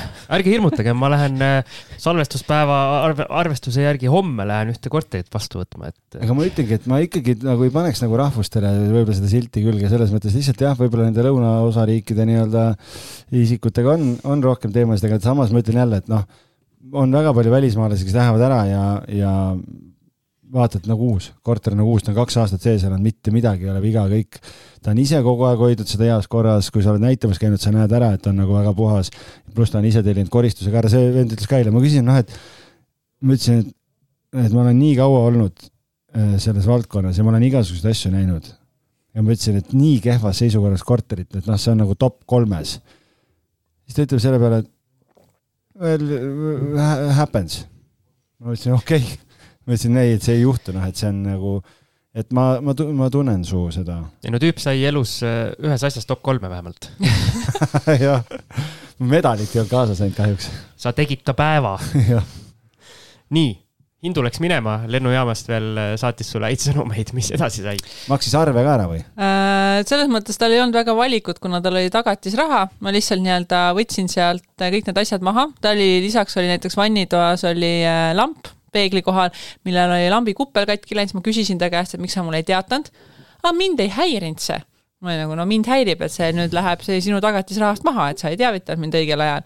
ja siis äh, lõpuks ma sain talle tagasi maksta ühe euro ja kakskümmend viis senti ta veel küsis mu käest ka mingi noh, kuna mul läks selle koristamisega, siis vaip läks keemilisse, siis seal oli vaip kõik need kulud võtsin maha ja siis ta veel mingi hetk juba kirjutas mulle, et millal ta oma tagatisraha tagasi, ma ütlesin, et noh, siis kui ma Vaiba keemilise arve saan, et siis sa saad ja siis sai ühe euro ja kakskümmend viis senti. see on natuke nagu pangaülekanne läks kallimaks juba. no see... mis siis, aga asi on põhimõttes, jah, ma, ma väljastasin talle arve, täpselt nii palju asja, asja, raha üle jäi, koristaja annab ka mulle arved, asjad alati. niisugune oli see olukord, et noh et vähemalt. natuke nagu mõnitamine kuidagi. mul, mul elukaaslane ütles sama, aga selles mõttes vähemalt mina jäin omadega pluss, plussi. kuidas küla koerale või koer külale. kes koer viimasena naerab, naerab paremini yeah.. aga hindu sai välja, korter sai korda ja siis, äh, siis tuli äh, sinna korterisse sihuke natukene tuttav et äh, natukene. no selles mõttes ma tunnen seda inimest. Äh, natukene. no selles mõttes jah, me oleme ühest tutvusringkonnast on ju, et otsisin äh, uuesti üürnikku ja see on ka nagu huvitav, et, et nendes väiksemates korterites, et inimesed, kes vaatamas käivad, no see kaader on nagu no reaalselt seinast seina, et mõni tuleb tõesti niisugune, viimane kord ka käis üks niisugune IT-mees, kes oli, et enam-vähem, et firma on Rootsis ja Eestis ja tal ongi Eestis vaja nagu vahepeal kord kuus nädal aega kuskil elada lihtsalt noh, et sihuke väga sihuke pintsak seljas, väga viisakas asja, natuke tegelikult küsima, miks sa siuksesse majja, kui sul on nagu ilmselgelt väga palju raha, sa võiksid põhimõtteliselt kas või hotelli minna elama, aga noh, igalühel oma asjad. ja siis tuleb selliseid natuke nagu sihukesi nagu eluheidikuid, et noh, et püksid on kukekad ja, ja nagu noh, mingeid selliseid probleeme on. Siim, sul on ka täna kukekad püksid. et noh, et sa näed, et see inimesel ei ole tegelikult olnud kõige lihtsam elus, aga võib-olla ta on väga tubli üürimaksja, ma ei tea seda, noh võib-olla tema ainus, ainus trump, vabandust. et, et noh, ma ei tea seda, aga igal juhul jah, siis ma otsustasin, et, et annaks selle tuttavale sealt ma sain küll kohe vitsad kätte, et äh, ei tasu äh, üürida ikkagi sõpradele, tuttavatele, pereliikmetele, et lihtsam on asju ajada võõraste inimestega. kindlasti lepingut ei teinud, taustakontrolli ei, ei teinud? leping oli Rendini kaudu tehtud, taustakontroll oli tehtud, kõik läbis, aga noh, noh natukene kunstiinimene või mis, ega see halb oleks, aga noh, selline noh, jah, boheem. humanitaar ma olen ise ka humanitaar, ära nüüd solva. ma ütlesingi aga noh, elas seal ilusasti ja, ja väidetavalt olid tal kiired ajad ja käis seal ülikoolis ja tööl ja, ja tal oli nii kauaks vaja siis korterit, kuni tal mingid pärandu, pärandiasjad seal ära lahenesid. ja siis äh, ühel hetkel andis siis teada, et ta sooviks siis välja kolida, lõpetasime Rendini kaudu siis äh, lepingu ära ja siis, kui ma talle nädal enne väljakolimistähtaega kirjutasin, et äh, kuule, et kas see päev, see kell sobiks, et ma tulen, võtan võtmed, siis ta ütles mulle, et äh, korteris on aknalaual äh, külmakahjustus. kas te teate, mis asi on külmakahjustus? no mul mees ka ütles, et mis asi see veel on. no ma, noh, aga kuna ta ei saatnud mulle ühtegi pilti ja ta nagu ei rääkinud, et see midagi väga hull oleks, ta ütles, et ta on üritanud seda ära puhastada, aga et ei ole õnnestunud, mõtlesin, okei okay,, et nädal aega, et noh, ilmselt see ei ole midagi väga tõsist, et ilmselt on vaja sealt korralikult koristada, et fine Lähen siis sinna, saan mu korteri uksest sisse, siis äh, noh, kaheteistruuduses korteris ei ole väga rohkem vaja, kui sa uksest sisse saad, siis sa näed, mis seal nagu toimub. ja siis ma sain aru, et meil ei ole mitte külmakahjustusega tegemist, vaid meil on niiskuskahjustus. et äh, sügisel äh, siin oktoobris, äh, novembris mingi hetk läks äk-, hästi äkitselt külmaks ja siis ei hakatud ilmselt kohe seda keskkütet lülitatud vist sisse ja, ja siis oli tekkinud akna peale see kondentsvesi ja ta ei olnud sellega nagu midagi teinud ta oli läinud äh, ära Valka, et korteris oli külmaks läinud ja siis, äh, kui ta tagasi tuli, siis ta nägi, et äh, aknalaud oli kõik nii-öelda üles kerkinud ja seal olid niiskuskahjustused. Ja tema arvas, et kui ta paneb sinna raamatut peale, siis see probleem laheneb ja niimoodi siis minu aknalaud seal hallitas ja, ja niiskuskahjustuse käes, ma ei tea, mädanes. vaevles vaevles, täpselt, väga hea sõna. üle kahe kuu vaevles mis muidugi tähendas seda, et kui ma lõpuks siis äh, sellele asjale jaole sain ja kindlustusse teatasin, kas siis kindlustus maksis seda, ei, nemad ütlesid, et see on pikaajaliselt tekkinud probleem. pange raamatud peale tagasi, läheb üle noh, ja siis äh,, aga meil oli rendin ja siis me saatsime seal rendiniga üksteisele neid kirju ja see võttis ikka mitu kuud aega, sest vahepeal oli mul vaja veel endal teine laps ka sünnitada, nii et siis see vahepeal oli natuke nagu pausil. kas sa ei andnud oodata lapsel või? Ta niigi päris kaua läks üle tähtaja, nii et ta ootas väga-väga-väga pingsalt.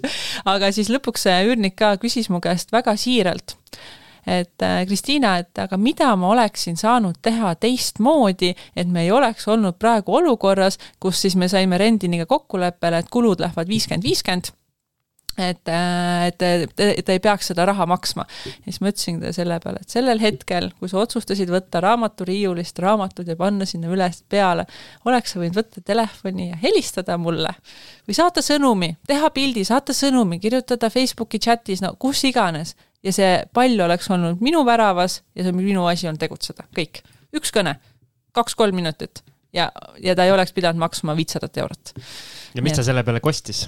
Ütles, päris hea idee tegelikult. siis ta, ei, ta oli sellega täitsa nõus, sest ma tõin talle ka elulisi näiteid äh, nagu teistest korteritest, kus on ka nagu just samas majas sellel hetkel oli äh, seal kuueteistruuduses oli boiler tegi veidraid hääli ja üürnik kohe helistas ja me vahetasimegi boileri välja selles mõttes, et noh, hakkaski katki minema, et selles mõttes, aga ta andis kohe teada, mitte see, et ma ei tea, boiler juba lekib ja põrand paisub ja ma ei tea, mida kõike võib juhtuda, on ju, ja siis, ja siis nii muuseas mingi hetk annab teada, et kuule, et ma vahele küsin sellise asja, need jutud, mis, mis sa siin praegu räägid, äh, raamatud aknalaua peal ja boilerid lähevad katki, et äh, see on äh, üks peamine põhjus, miks paljud inimesed ei julge või ei taha seda üüriäri alustada. aga sina räägid sellest nagu, nagu nii vabalt ja, ja mõnusalt, et kohe lust on kuulata. kas see selline vaba suhtumine sellistesse asjadesse, mis ikka juhtub, on sul kogu aeg olnud või see on nii-öelda õpitud? ma arvan, et see on lihtsalt kogemusega tulnud, sest noh, tegelikult kui ma tagantjärgi mõtlen sellele kasvõi al alustades omaenda korteris, kus äh, hüdroisolatsiooni ei olnud ja vannitoa põrand tõusis ülesse. et siis, kui ma hommikul siia ka tulin, ma mõtlesin, tegelikult iga täie mõistusega inimene müüks kõik oma kinnisvara maha ja koliks kuskile kuuse alla lihtsalt, et nagu loobuks igasugusest kin-, kinnisvarast. sest äh, peale seda, kui ma äh, nii-öelda oma kodu nii-öelda ära ostsin, selle teise poole ja ehitasime kokku siis, äh, siis meie majas äh, läks müüki äh, meie kohal olev korter mis oli Airbnb korter. Ja siis, kuna mina olin alati unistanud sellest, et ma tahan ka Airbnb-d teha ja seal tundusid mingid mega rahapatakad nagu lihtsalt, et saad põmm-põmm vastu pead ja sihuke täielik easy money. ja, ja, ja, ja nii on ja, et pangakontosid on vaja juurde teha, sest ühel ei mahu ära raha. no,. täpselt, no mul oli täpselt siukene kujutelm. Ja lisaks see tundus selles mõttes täielik jackpot, et see on su enda majas, mõtle, kui lihtne sul seda hallata on. Nagu noh, oma majas lihtsalt saad ise koristada asju jah, ja mõtlesin, et üks meist kahest on alati kas mina või elukaaslane väikse lapsega, meil oli tollal, laps oli mingi pooleaastane või törts peale, üks meist on alati kodus temaga. võtad lapse kaasa? no koristad. täpselt, võtan lapse kaasa, laps on seal keset põrandat, beebi teki peal, mängib asja. no ma ei mõelnud muidugi võrrandisse seda, et ühel hetkel hakkab ta kõndima ja roomama aga no tundus nagu täielik sihuke jackpot. Äh, ma sain müüjaga ka kokkuleppele, et äh, kõik asjad jäävad korterisse sisse läksime siis tehingusse, ostsin korteri ära, kohe panime siis äh, booking usse ja Airbnb-sse ülesse. noh, sellel hetkel ma ei olnud veel äh, kinnisvarajuttude algust kuulanud, kus Algis rääkis seal kuldsest ringist, ma olin seal kuldsest ringist päris palju väljas. et äh, broneeringuid tuli ei olnud nagu üldse nagu paha, aga kui ma ikkagi ühel hetkel hakkasin neid nii-öelda numbreid kokku lööma ja võrdlesin seal pikaajalise üüriga, lisaks noh, oma töötund ka maksab midagi et kui ma teen seal, käin seal koolitust tegemas ja saan koolituse eest võib-olla seal viiskümmend, kuuskümmend eurot tunnis ja kui ma paneks selle siis koristamise eest küsiks sama palju, siis numbrid ei jookse kuskilt poolt kokku. et siis äh, me tegime seda Airbnb-d äh, veebruaris ostsime korteri ja siis äh, kevadeks lõpetasime ära saime aru, et äh, see ei ole meie business, kohe üldse ei ole, võib-olla kui võtta haldus peale sada protsenti, ma isegi, mul üks tuttav tegeleb Airbnb korterihaldustega, siis äh, poissmees, kutsusime ta endale külla, tegime süüa ja kooki ja mõtlesime, et saame tasuta infot, on ju, et noh, et kuidas siis äh, tasuks teha ja äkki võt-, annaks siis talle haldusesse. no siis ma sain aru, et ma üldse maksan talle enamuse rahast ära ja ise saan võib-olla heal juhul paarsada eurot talvel. no sa saad omanik olla. saan omanik olla. ja sul on ikkagi staatus, et sul on Airbnb korter. jah, aga noh, selle staatusega jah, pangaarveid ei maksa, sest kuna see korteril oli ikkagi päris suur laen peal, et siis, äh, siis äh, lõpetasime selle Airbnb äh, business'i ära ja nüüd on see pikaajalise üüri all.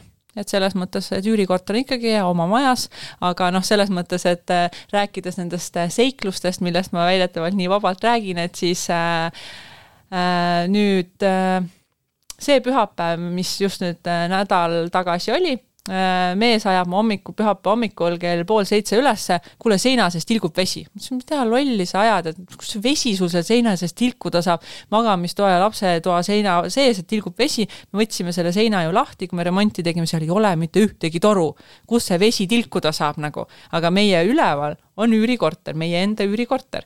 Heli- äh,, helistasin siis üürnikele, et kuulge, et äh, on teil seal üleval nagu kõik korras, et meil nagu reaalselt tilgub seina sees vesi, panin ka kõrva vastu seina, no tõesti tilgub vesi. üürnik ei olnud kodus, aga ütlesid, et nad olid maale läinud, et aga on sul võtmed olemas, et noh, mine sisse, vaata, mis seal toimub.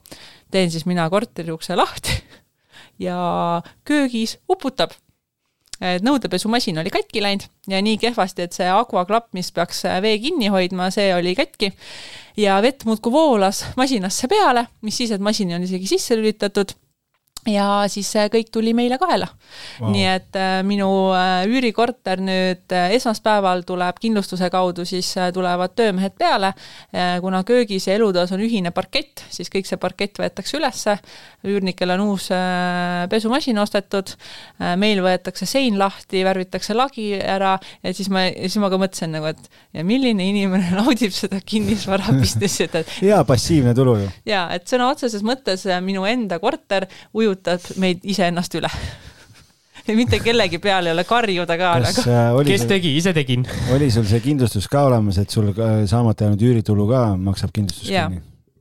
Ja, ja üürnik saab vajadusel, saab ka selle nii-öelda selle nii-öelda elupinna nii-öelda, kui on vaja nagu, aga nad ütlesid, et et kui saab selle juuni alguses esimesed nädalatel ära teha, et see niikuinii on puhkus ja nad oleks niikuinii olnud äh, maal, neil on Türil või kuskil oma maja, mida nad remondivad, et siis nad niikuinii oleks seal, et siis äh, lihtsalt jah, tuleb kõik asjad nagu ära tõsta, aga noh, ebamugavus ikkagi, sest noh, tegelikkuses äh, ma teen nii-öelda üürnikele selle aja eest soodustust, sest nad ikkagi nii-öelda ju ei saa tegelikult seal sees elada ja noh, lisaks nad peavad kõik oma kodinad kokku pakkima, isegi pakkusin neile, et teate, et kui te tahate ära minna, ma võin teile päevapealt anda lepingu vabaks, et võite asjad kokku pakkida, ära minna, ma saan täitsa aru, kui te ei taha kogu seda parketivahetust ja kogu seda tralli kaasa teha, aga nad ütlesid, et korter on hea ja asukoht on hea ja et neile meeldib ja neil on mõlemal sealt hea tööle käia, et ja nad saavad selleks ajaks ära minna, et nad elavad selle ebamugavuse üle, et et, et, noh, ütlesid ise ka, et ega keegi ei teinud ju seda meelega et noh, ei teinud nemad seda meelega, ei teinud mina seda meelega, lihtsalt nõudepesumasin läks katki.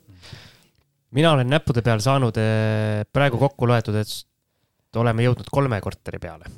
üürikorterid on hetkel jah kolm nii ongi jah? ongi kolm üürikorterit. et kuskilt on... uut, uut kihti siin praegu siis on minu nii-öelda kokku ehitatud korter, aga mul oli eelmine nädal notar oh,. kaug, kaugtõestamisega esimest korda elus sain teha, et äh, minu üks kõige suuremaid saavutusi, mis ilmselt kogu selles kinnisvara asjas on, on see, et kui minu ema ja vanaema, kui ma esi, esimesed üürikorterid ostsin, siis iga kord, kui ma neile helistasin, siis üks tüüppküsimus oli see, et kas sa ikka oma laenu tagasimaksega saad hakkama, siis kui Euribor tõusis, kuule, Euribor tõusis, kas sa ikka saad hakkama, no ma ei hakanud neile vahepeal ütlema, et tegelikult Euribori tõusuga natuke on siin vahepeal maksan peale juba, aga noh, aga pikas perspektiivis on ju, tulevik on helge ja siis, aga nüüd me oleme jõudnud siis nii kaugele, et kui äh, vanaemal või emal on vaja mingit kinnisvaranõu või et vanaema tahab oma suvilat maha müüa, siis enne kui nad hakkasid maha müüma, siis öeldakse, et me küsime Kristiina käest, mida tuleb teha ja siis me hakkame tegutsema. No,. et see oli nagu see niisugune väga suur võit, et ja siis, ja siis me otsustasimegi, et mina ostsin oma vanaema käest oma firmasse tema korteri, kus tema elab, et kuna tal on viimasel ajal läinud tervis väga kiiresti halvaks, et, et siis, kui on vaja mingeid hooldekodusid või asju, et siis me ei pea istuma, võib-olla võib dementsus, igasugu asju võib juhtuda, et siis me ei pea istuma ja mõtlema, et kuidas me selle korteri nüüd kätte saaks, et seda remontida saaks ja välja saaks üürida või midagi nagu teha et siis me tegime selle selle nii-öelda ära, et see on just ka, justkui ka minu oma, aga et hetkel see lihtsalt nii-öelda on ootel, aga et siis äh, pärast on sellega lihtsam toimetada. ette, et mitte ettevaatlik, vaid ettemõtlev aga kõik oma üürikorterid oled ostnud kodulaenuga siis? Äh, mina olen selles mõttes selline äh, rumal investor vist, et äh, mul on oma kodu ostetud kodulaenuga, oma üürikorterid, need kaks tükki, mis on mikrokorterid, need on ostetud tegelikkuses Luminori ja Coop Panga mingisuguse ideelaenuga mida ma nüüd refinantseerin ja saan tegelikult parema intressi peale, vähemalt praegu pakkumised on tulnud paremad. et mul vist ei ole seda, ma ei tea, kas ei olnud mõtet või ei olnud seda südikust piisavalt, et minna panka mingisuguse jutuga, et mul oleks vaja mingit kodulaenu veel ja, ja siis nüüd ma mõtlesin tegelikult, et kui ma need praegused laenud ära refinantseerin, et siis peaks minema ka ikkagi panka ja kasutama seda kodulaenu äh, võimekust ja enda praeguseid suuremaid äh, sissetulekuid et äh, äkki saaks kasutada mõnda.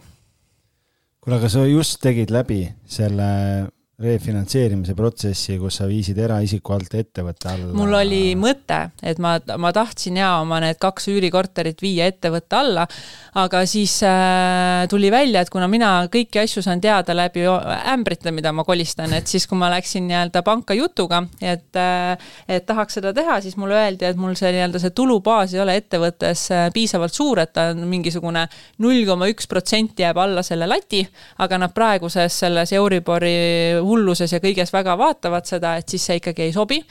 Ja ma, nad ei anna mulle hetkel laenu, et nad ei näe, et äh, kui olukord halvaks läheb, et ma saaks oma laenudega hakkama, aga siis meil oli vahepeal äh, selline naisinvestorite kohtumine. Kristi Saare on endale mingisuguse ideeruumi või mingisuguse pinna hankinud ja siis seal oli selline kohtumine.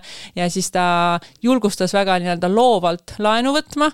Ja minema panka jutuga, et need kaks äh, Äh, mikrokorterid, mis on minu eraisiku nimel, et niikuinii ka hüpoteeklaenu eraisik saab ikkagi parematel tingimustel üldiselt kui ettevõte, et äh, mine panka äh,, liida need kaks olemasolevat hüpoteeki ühe korteri peale, sest korteri väärtus on hetkel tõusnud ja siis ma saan ühe korteri äh, laenu vabaks ja ma saan selle peale võtta uue laenu ja osta endale uue korteri. Ja seda ma nii-öelda eraisikuna siis praegu äh, teengi, et äh, esmaspäeval käisid äh,, käis hindaja neljapäeval nüüd, äh, homme peaks saama siis hindamisaktid ja siis on kahest pangast on siis nii-öelda pakkumine laual, et, äh, et nendega saab nagu edasi minna, et need niisugused Eesti suuremad pangad tunduvad pigem sellised väga-väga niisugused traditsioonilised, et ma ei tea, minusugune inimene sealt väga, väga lihtsasti pank-, laenu ei ole saanud, et. mis see hindamisakt umbes peaks tulema, oled sa mõelnud? seal äh, turu jär-, turuhinna järgi praegu, et see kaheteist ruuduse eest võiks saada niisugune nelikümmend viis tuhat ja siis äh, vii-, kuueteist ruudusest viiskümmend pluss vähemalt selline on lootus, aga noh, üks on esimesel korrusel ja teine on viiendal, nii et sealt võib kohe viis protsenti ju hinnas maha võtta, nii et kohe kiire kohandamine tehakse. ja kui sa nüüd saad endale selle kapitalivõimekuse, siis mida sa vaatad praegu?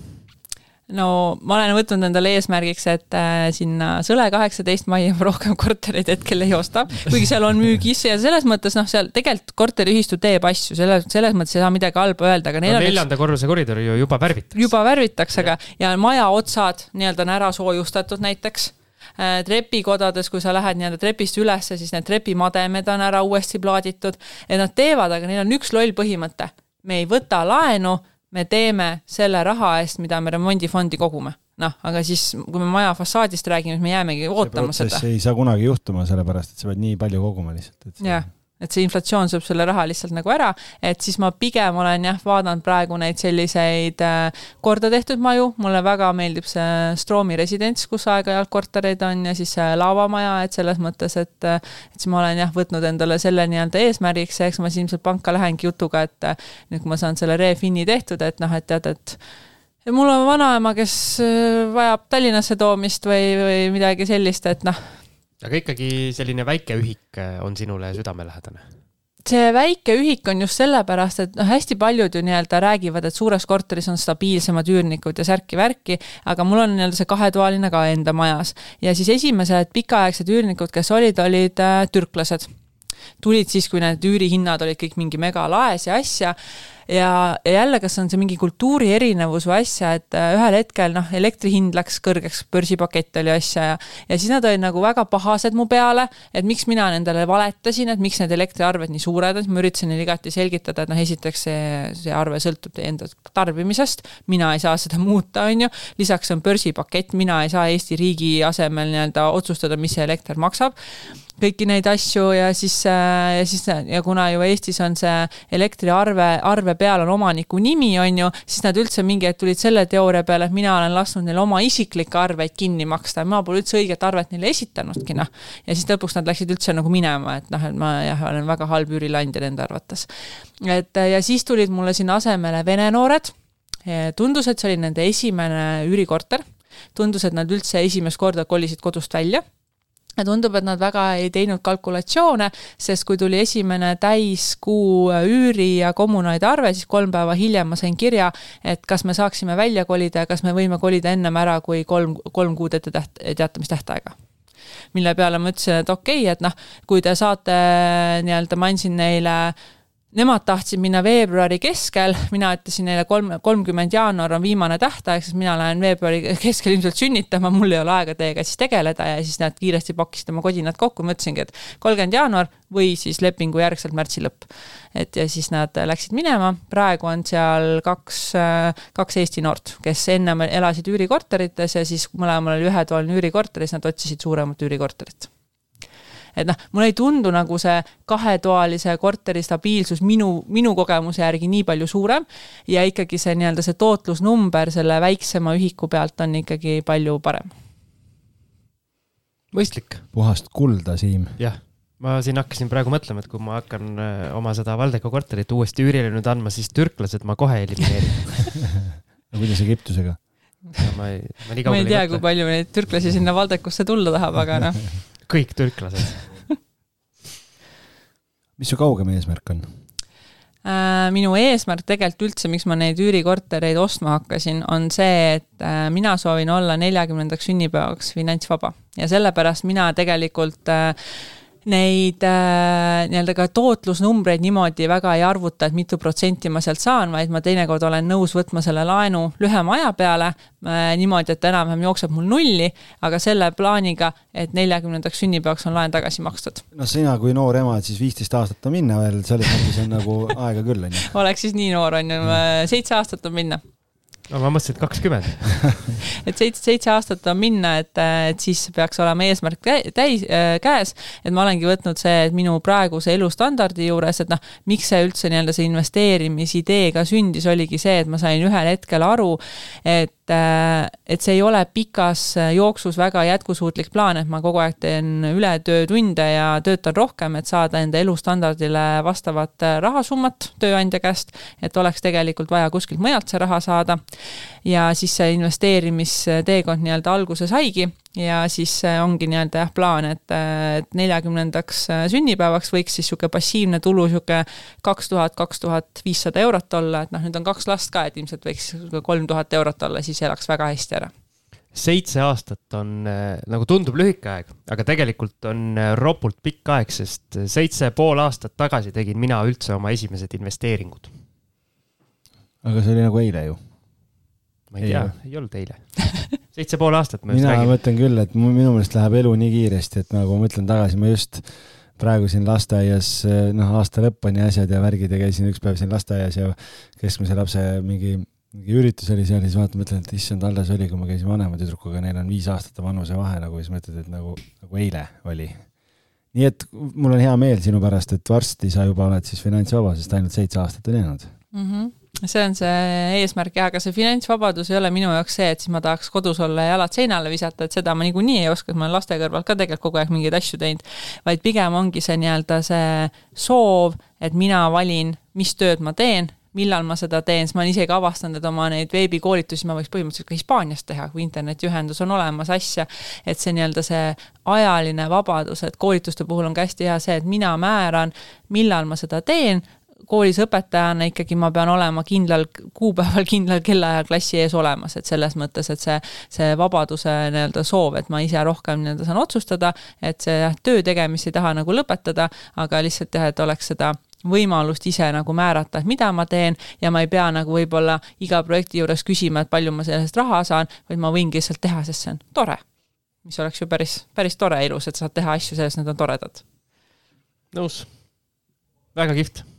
Ei no üliinspireeriv, üliinspireeriv, et äh, mis sa soovitad neile veel viimase küsimusena siis, kes võtavad hoogu, et hakata kinnisvarasse investeerima, et sult on täna kas siin... sa oma eelviimast superküsimust ei küsi? ei no ma arvan. kõik ei pea iga kord küsima. Neid õppetunde me oleme siin täna kuulnud juba, et mis me siin uuesti, et äh, ma arvan, et siin on tulnud neid vasakule ja paremale. et ma arvan, et me võime siin muidu istuma jäädagi, et äh, aga, aga kindlasti üks osa on, on äh, neid, kes on täna saanud tohutut inspiratsiooni, üks osa on neid, kes mõtlevad, et noh, nagu sa ise ütlesid, kurat, ma ei tea, kas ma hakkan. et mis sa soovitad neile, kes hoogu võtavad praegu? et äh, kuskilt tuleb lihtsalt pihta hakata, et mina hakkasingi reaalselt pihta niimoodi, et ma lihtsalt hakkasin tegema, et ma ei olnud selleks hetkeks väga lugenud neid raamatuid, mida nii-öelda soovitatakse, see Jaak Roosaare kinnisvaraga rikkaks saamise õpik ja mingeid podcast'e asju, et ma neid asju praegu tegelikult praegu kuulan ja mõtlen, et kurat, küll oleks võinud ikka sellest sul on järeleaitamistunnid praegu? jah, mul on järeleaitamistunnid.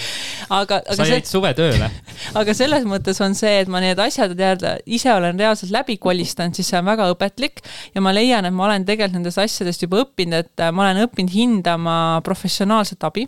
et noh, kasvõi see kokkuehitamise legaliseerimine enda kodus, et me otsustasime kohe elukaaslasega, et seda kadalippu me ei hakka ise läbima, vaid me võtsime firma, kes siis meie eest tegi kõik asjad ära ja see kadalipp võttis aega praktiliselt poolteist aastat et peale esimese lapse sündi me hakkasime seda protsessi tegema, temas on hetkel ühe aasta ja üheksa kuune, nii et, et see päris pikk protsess on olnud igasugu, küll on vaja sul elektrike ja küll on vaja välisuksed ära vahetada ja, ja igasugu asjad, et, et see professionaalne abi, et see, et sa julged küsida abi, et sa ei pea alati kõiki asju nagu ise oskama ja põhiline on see, et kui sul on mõte, et tahaks teha kasvõi nagu oma kodu ostmine siis hakka lihtsalt kuskilt pihta, et hästi paljud inimesed, kui ma oma tutvusringkonnas ka vaatan, et et hästi paljud inimesed jäävad otsima seda ideaalset objekti, eriti kodu puhul. ma otsin oma ideaalset kodu. no meie kodu ei ole ka hetkel ideaalne, näiteks ma ta, olen alati unistanud, mu kodul võiks olla rõdu aga millegipärast siis, kui me oma esimese kodu nii-öelda ostsime, siis soov saada rõdu läks kuidagi meelest ära, noh. nii et kunagi võib-olla vahetab kodu välja, et siis saaks nagu rõdu või ma olen alati unistanud, tahaks korteri, mis oleks läbi kahe korruse, on ju, noh. põhimõtteliselt, kui ma üürikorteri ja oma kodu vahel nüüd lae, augu sisse puuriks, siis võib-olla saaks. aga et tegelikult lihtsalt kuskilt tuleb nagu pihta hakata ja et ja siis tegelikult hakkavad need asjad nagu iseenesest kuidagi nagu veerema, et kasvõi seesama soov, et kui ma otsustasin teist kuud rasedana, et minu lapsel saab olema oma tuba. mul ei olnud mitte mingit visiooni, kus kohas see saab tuba olema, kuskohast ma üldse raha selle jaoks saan, nagu, aga see kõik nagu hakkas kuidagi, see toomine hakkas nagu veerema ja klotsid läksid paika ja kuidagi lihtsalt tekkis, et tuleb lihtsalt pihta hakata. viimase peal, ma igal juhul kirjutan alla sellele, tuleb pihta hakata. Ma, üritan, ma üritan ka pihta hakata vaatame algisele otsa jaa, tublid olete. ei, aga tegelikult äh, super veel kord, ma ütlen, et ja meil on tulemas üks väga põnev boonusosa ka. nii lubati.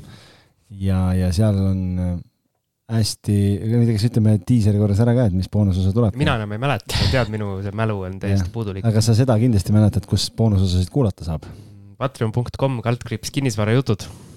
Ja nii, et aga Kristiina, kas äh, sina tahad, me enne rääkisime, tahad sa väikse diiseri teha või, või? mina ainukesena kolme, kolmes laua taga, kes teab, millest juttu tuleb. jah, sest noh, me ootame, vaatame sinu otsa, et sul oli, sul oli siin, hakkasid juba, tahtsid välja rääkima hakata pausi ajal. vaata, kui hästi meid pandi tegelikult piinlikkust tundma natukene. ja see boonusosa tuleb jah, minu nii-öelda üüri, üüriseiklustest selles kuueteist ruuduses korteris, et kuidas saab üürniku valikuga väga tõsiselt ämbrisse astuda. Ehk siis ma saan aru, veel sügavam ämber kui need, millest sa see on meil on seal politseist on juttu ja, ja, ja naise, naise peksmisest ja, ja et- TV3 saadetest, need totaalsed muutumised ja asjad, mis seal olid kõik, nii et meie, meie kinnisvaraseriaal saab äkki ühe uue e- episoodi mõtte jälle. väga hea.